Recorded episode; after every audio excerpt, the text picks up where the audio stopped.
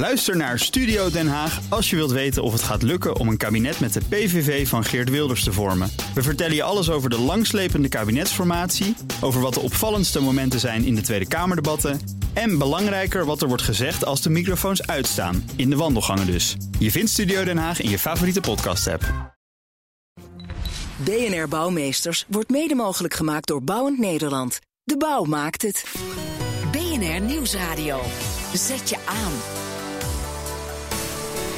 BNR Bouwmeesters. Zonnepanelen zijn nu nog reuze voordelig, maar hoe lang nog?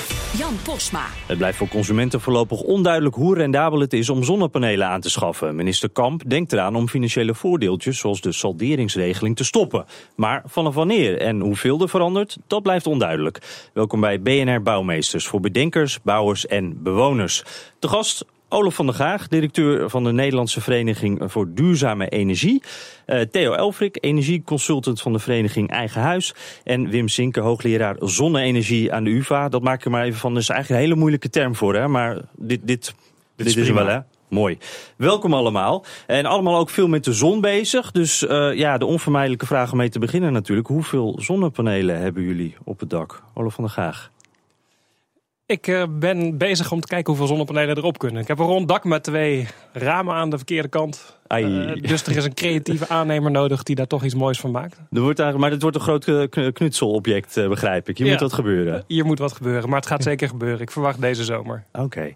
Theo Alfrik? Ja, 27. Zo. Iets meer opbrengst eigenlijk dan ik zelf nodig heb.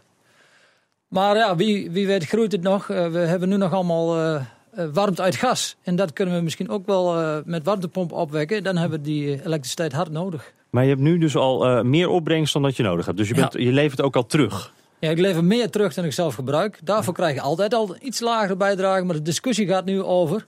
lever je nu dingen terug en krijg je daar nu nog wel hetzelfde geld voor? Nou, nou tot 2020 kan het nog, maar daarna... Ja. Weet dat, niet. Nou, daar gaan we het zo ook even verder over hebben. Wim Sinker?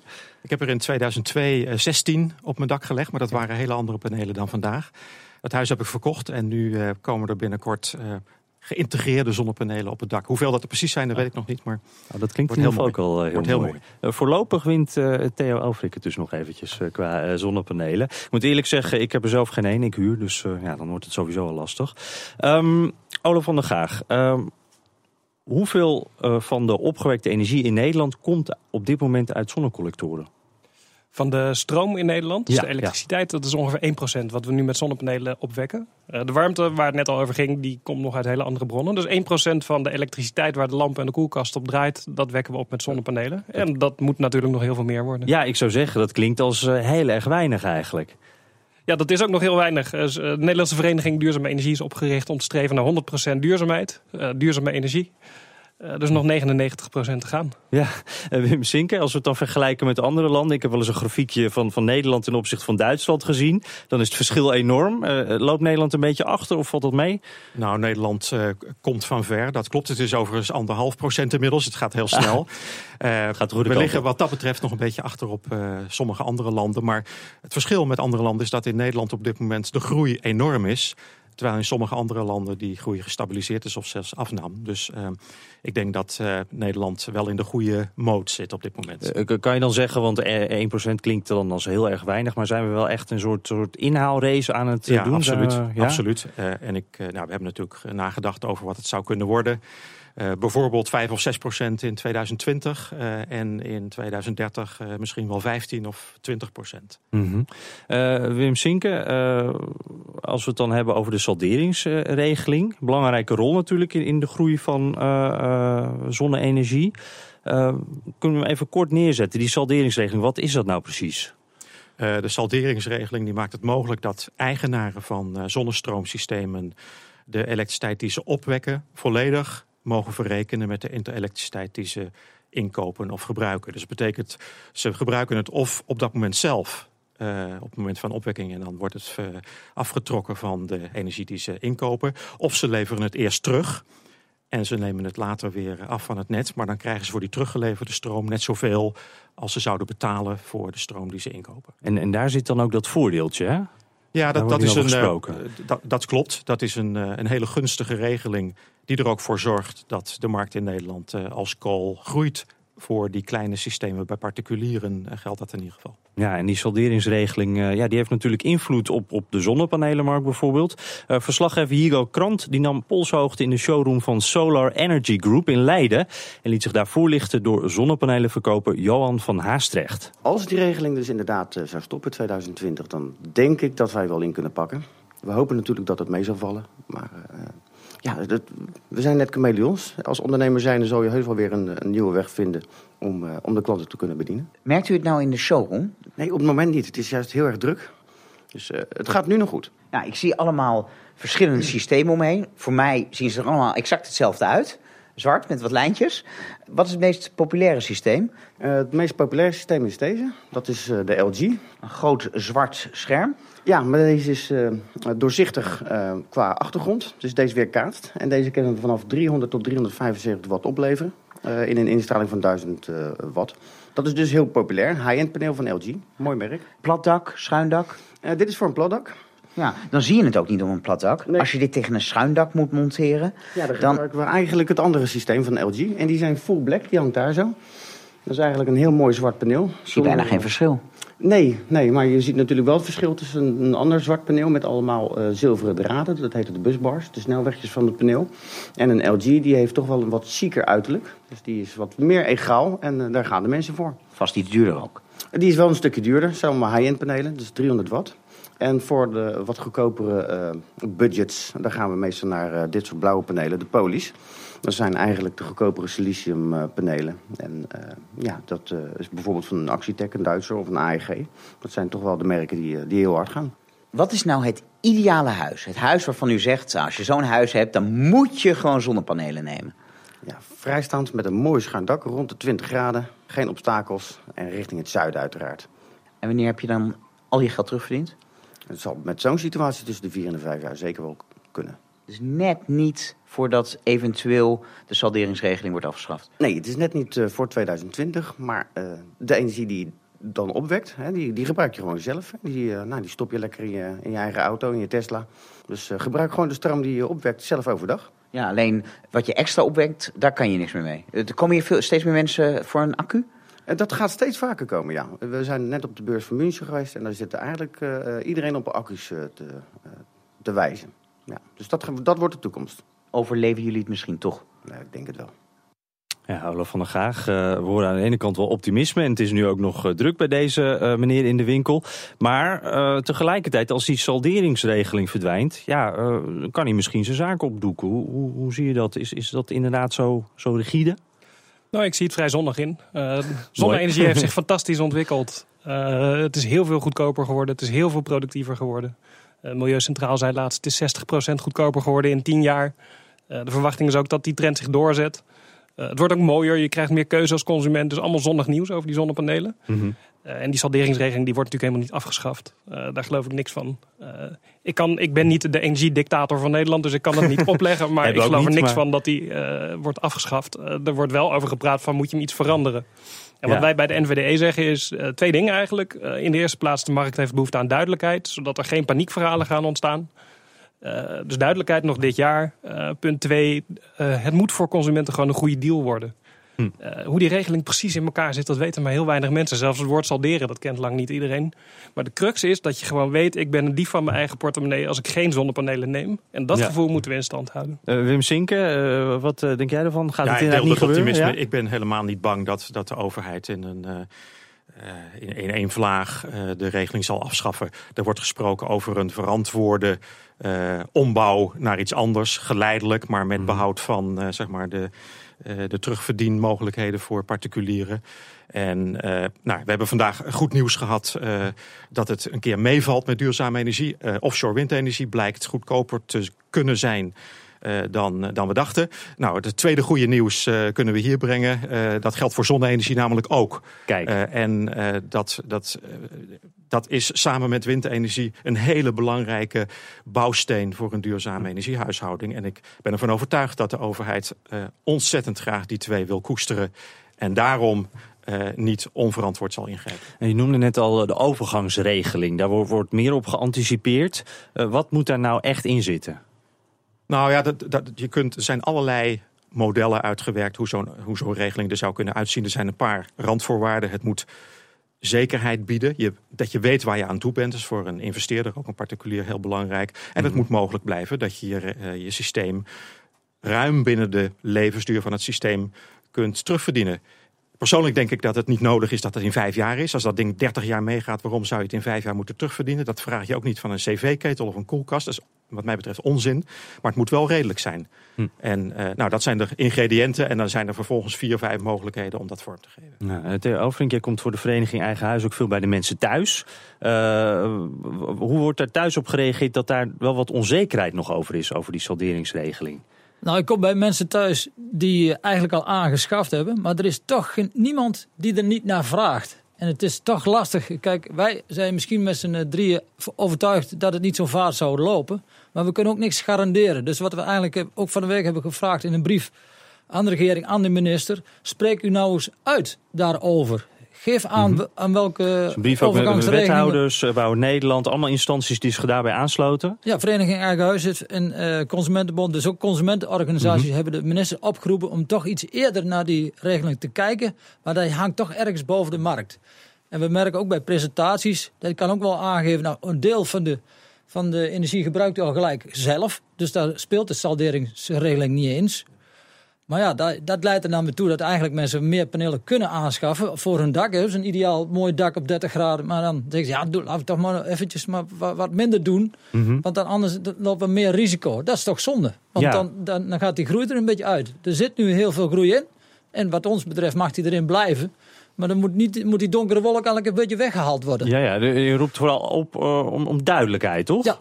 Ja, ja. Dus er moet gewoon een besluit. En ik zie hier ook de andere hier ook allemaal knikken. Ja, ja. Wim Zinken ook. Ja. Nou ja, en ik begreep ook dat Henk Kamp zelf heeft gezegd van... Uh, ik heb dit gehoord in de energiedialoog bijvoorbeeld. Uh, dus we gaan niet in 2017 evalueren wat het plan was. We doen dat gewoon dit jaar.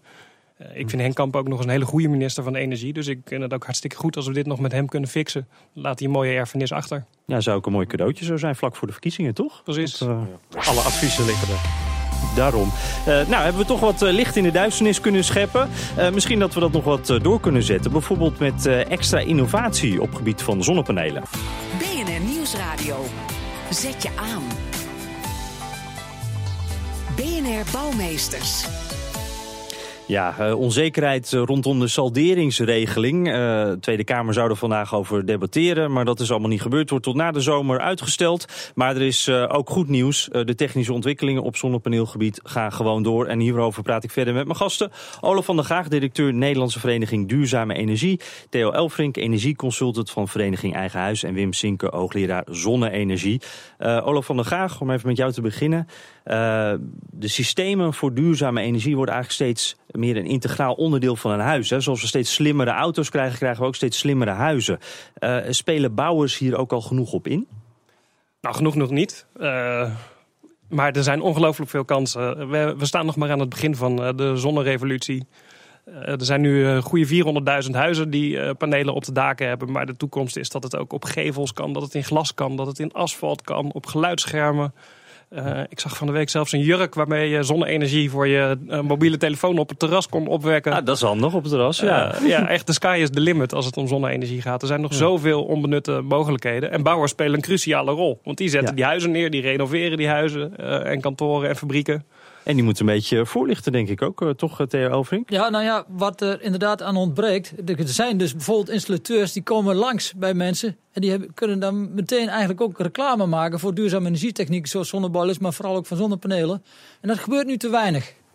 En daar, daar ja, ik denk dat een aantal partijen daar wel op inspelen, zoals wij zelf. Dat ze eigenlijk via ons dan die zonnepanelen ja. uh, kopen, zodat dat aanbod uh, dus de vereniging Eigen Huis springt een beetje in dat gat. Maar uh, ze zegt tegelijkertijd ook, die bouwers zouden dat ook meer zelf op kunnen pakken. Zeker, zeker. Nou ja, wat, wat, om een voorbeeld te geven, bij nieuwbouw wordt nu 1, 2, 3 paneeltjes op het dak gelegd. Om die EPC precies te halen. Terwijl zijn dak misschien wel geschikt is om 20 panelen neer te leggen.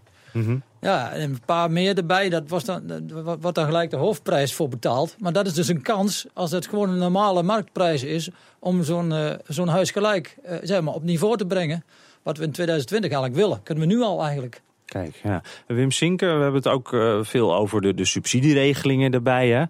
Uh, komt er nou, is het moment al dichtbij dat we zonnepanelen kunnen gebruiken zonder dat daar een subsidieregeling voor nodig is? Dat ze van zichzelf al uh, ja, genoeg opleveren? Ja, het is een, een beetje een lastige vraag, omdat dat samenhangt met de manier waarop je de markt voor elektriciteit organiseert. Als je helemaal niets regelt als overheid, dan is het niet automatisch zo uh, dat zonne-energie als een uh, rendabele optie uit de bus komt. Dus ik denk dat je wel zonder subsidie kunt, maar niet zonder een goed model voor de elektriciteitsmarkt. Voor, ook voor het waarderen van het feit dat bepaalde stroom uh, schoon is, CO2-arm en andere niet. Dat hebben we allemaal nog niet voor elkaar op dit moment. En daarom is een bepaalde vorm van ja, overheidsingrijpen, zeg maar, of, of stimulering is nodig. Dat, maar het mhm. woord subsidie is wel heel misleidend. Ja, want? Nou, ik denk dat er, er wordt op dit moment uh, geen letterlijke subsidie gegeven. Er saldering Sommige mensen noemen dat een vorm van subsidie. Ik denk dat dat niet uh, helemaal recht doet aan wat het feitelijk is. Het is eigenlijk meer een korting. Ja, eh, precies. Uh, en ik denk ook dat uh, als je aan de sector zelf vraagt, dat ze eigenlijk niets liever willen dan geen subsidie. Wat niet wil zeggen dat uh, er niet een stimulans voor de markt zou moeten zijn. Mm -hmm. En uh, mocht je nou die stroom die je uh, extra oplevert in je huis niet kunnen verkopen, dan, dan zou je het moeten opslaan. Ja. daar horen we ook wel meer ontwikkelingen over, maar dat ligt ook nog lastig. Hè? hoe kan dat al? Nou ja, het, het, is technisch misschien niet zozeer lastig, want je kunt daarvoor systemen kopen. Maar als je die investering doet, dan kun je hem op dit moment niet terugverdienen. Daarom wordt er uh, ja, binnen Nederland, maar met name ook in Duitsland, geëxperimenteerd met dat soort systemen. Met een extra uh, financiële bijdrage om gewoon te kijken hoe dat in de praktijk gaat. Uh, daarmee kun je dan inderdaad stroom opslaan die je op de overdag opwekt voor gebruik s'avonds. Mm -hmm. En s'avonds is die stroom misschien meer waard ehm, niet met de salderingsregeling, maar wel uh, als je daar wat verder over nadenkt. En dan zou je daarmee dus de, uit het verschil uh, het, uh, het opslagsysteem kunnen betalen. Ja, Theo Elfrink? Nou ja, wij experimenteren nu met de slimme energieservice. Daar, geven we al, daar is het al mogelijk om een andere prijs te geven op het moment dat er uh, zeg maar veel aanbod is, is het eigenlijk de prijs laag. En wanneer er mm -hmm. weinig aanbod is, het prijs hoog. Nou, per 1 januari 2017 moeten alle netbeheerders dat eigenlijk uh, faciliteren. Dus daar zien we toch ook wel kansen, ondanks dat die uh, salderingsregeling niet meteen wordt aangepakt, om toch daar toch wel wat meer ruimte te scheppen. Ja, en met een sleutelrol dan voor de energiemaatschappijen ook. Nou, de netbeheerders moeten dat dus faciliteren. Maar daarnaast, mm. dan, dan wordt het ook ietsje interessanter om accu's toe te passen. Mm -hmm. Maar ik moet er wel bij zeggen, op dit moment is het natuurlijk alleen ja, voor de koplopers die dat graag willen investeren. Want ja, som, voor sommige mensen betekent het bijna een verdubbeling van de investering. Ja, dat ja. Maar ik denk je wel moet, moet uitkijken dat je niet zeg maar, optimaliseert alleen op het niveau van een huis. Je moet naar kijken naar het elektriciteitssysteem als geheel. En daar passen ongetwijfeld ook accu's in. Maar ik denk dat het onverstandig is om nu uh, te beginnen onderaan zonder dat je nadenkt over de stappen die daarna komen of die je parallel moet nemen. Want dan krijgen we een, een suboptimaal elektriciteitssysteem. Uh, Olaf van der Gaag, en nu hoor ik ook veel uh, experimenten met bijvoorbeeld elektrische auto's. In de repo werd ook al even de Tesla genoemd. Is dat ook een oplossing om die energie op te slaan? Je elektrische auto ermee op... Uh... Ja, ik vind dat een fantastisch uh, voorbeeld van ontwikkeling. Uh, elektrisch rijden is sowieso goed voor de wereld. Het scheelt al heel veel vervuiling. Als je die zonne-energie opslaat in een accu, dan zeg ik ook: zet alsjeblieft wielen onder die accu. en dan heb je een auto, dan kun je meteen rijden. Dus dat is twee vliegen in één klap. in Utrecht bijvoorbeeld is ook een experiment waar je zelfs de wasmachine kunt laten draaien op de stroom uit de accu in je auto. Ja, dat zijn hele opbeurende gegevens. Ja, dan komen we ergens. Dan komen we ergens. En vervolgens ja. ben ik het ook wel mee eens dat kijk, die tijd dat er nog subsidie nodig is, die loopt af. Uh, niemand heeft de glazen bol om het precies te zien. In het Midden-Oosten worden nu al zonnecentrales gebouwd. Die hebben geen subsidie meer nodig. Dat kost 3 cent per kilowattuur voor de mensen die dat getal kunnen plaatsen. Uh, die grens die zal steeds meer oprukken als vervuiling een prijs krijgt, dan hoef je het ook niet meer te subsidiëren. En dat is in principe voor het systeem veel zuiverder. Als, als 1 ton CO2 100 euro kost, ja, dan heeft zonne-energie geen uh, subsidie meer dan nodig. Dan is het duidelijk. Uh, Wim, Wim Sinkers, zitten er eigenlijk nog grote ontwikkelingen op het gebied van zonne-energie aan te komen? Of zijn we er wel een beetje? Um, nee, we zijn, we zijn er uh, nog niet, nog lang niet. In de zin dat het nog heel veel efficiënter en goedkoper kan. Tegelijkertijd is er helemaal niets mis mee wat er op dit moment op de markt is. Want dat is betrouwbaar, dat is uh, naar verhouding efficiënt. We zijn is zeker gekomen eigenlijk. Go goedkoop geworden. Maar het kan nog veel verder. Dus uh, waar, waar nu zeg maar, het opwekken van een, uh, van een kilowattuur stroom ja, laten we even heel, heel grof zeggen, zo uh, 10 cent kost of zo voor een particulier. Mhm. Uh, dan zal dat op termijn misschien maar 3 cent meer zijn. Nou, dan is, uh, dan is er weinig meer wat nog goedkoper is. Als je kijkt naar de kosten die daarmee gemoeid zijn. Maar als ik nou op dit moment een beetje twijfel over een zonnepaneel, zou je dan zeggen: wacht nog een jaartje, want wat we dan kunnen, poeh, of nee, maakt dat niet veel uit? Nou, ik denk ten eerste als mensen wachten met het kopen van technologie, dan komt er geen nieuwe technologie. Dat is echt, echt letterlijk zo. Dus uh, de markt is pas gaan ontwikkelen. De prijzen zijn gedaald. Uh, dankzij Duitsland, die op een gegeven moment uh, zeg maar de markt voor zonne-energie wereldwijd heeft gestimuleerd. Daar hebben we aan te danken waar we nu zijn. Dus we moeten zeker niet wachten. Ehm, en, en daar komt nog bij, nou ja, op dit moment is er gewoon een hele gunstig regime. Je hebt de salderingsregeling, er is veel keus. Ja. iedereen BTW aftrekken, niet te vergeten, die er nu nog is. Nee, profiteer nu, daar ben ik het helemaal mee eens. Kijk, profiteer nu, dat is duidelijk. Eindig op een positieve noot en met een bedankje aan de Duitsers ook. Dank uh, Wim Sinker, hoogleraar zonne-energie. Theo Elfrink, energieconsultant van de Vereniging Eigen Huis. En Olof van der Gaag, directeur van de Nederlandse Vereniging Duurzame Energie. Op de schop.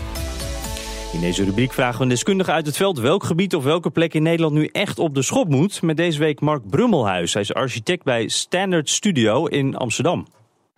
Vertel, wat moet er op de schop? Wat mij betreft mag het Hilton Hotel aan de Minervalaan in Amsterdam op de schop. Het is een gebouw van de Huug uh, wat gebouwd is in 1962 en wat toen heel erg uh, nieuw was. Dan zeg maar, ja, gebeurt er eigenlijk niet meer zoveel. Het is een wat oud, oud hotel. Het is totaal eigenlijk onbereikbaar binnen Oud-Zuid. En dat heeft met name ook te maken met een grote parkeerplaats ook die ervoor ligt. Maar het gaat in ieder geval geen connectie of interactie aan met Amsterdam en zijn omgeving. Ja, Oud-Zuid eigenlijk, ja, dat is eigenlijk een beetje een villa-wijk. Terwijl de rest van Amsterdam heel multicultureel is. En eigenlijk zou ik daar wel uh, iets aan willen veranderen. Wat moet er dan mee gebeuren? Wat je ermee kan doen is eigenlijk als je terugkijkt naar Plan Zuid van Berlage, uh, die het ooit ontworpen heeft. Die had bedacht, uh, zeg maar de Minerva-laan, de belangrijke as in Oud-Zuid waar het aan ligt. Dat aan de ene kant er een station zou komen. Althans eigenlijk zou je dat kunnen zien eigenlijk als de Zuidas. Dat die helemaal ontwikkeld is ook tot arbeid. Alleen tegenover de arbeid, waar hij eigenlijk op de andere plek, waar hij de Rijksacademie Academie uh, neerzetten. En zo is eigenlijk die hele locatie ook ontworpen. Mijn voorstel zou dus zijn eigenlijk om daar een school van de kunsten neer te zetten. En in dit geval bijvoorbeeld de Rietveld Academie. Wat het bewerkstelligt eigenlijk is dat er jonge mensen in een wijk komen die eigenlijk totaal onder het stof ligt komt er eigenlijk een soort van uh, plek vol inspiratie. En met alle mensen die ook elke dag naar de Zuidas fietsen, denk ik dat dat uh, best waardevol zou kunnen zijn.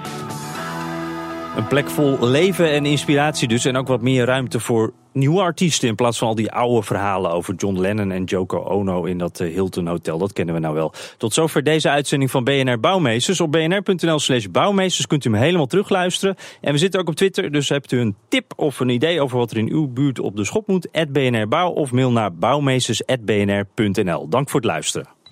BNR Bouwmeesters wordt mede mogelijk gemaakt door Bouwend Nederland. De bouw maakt het.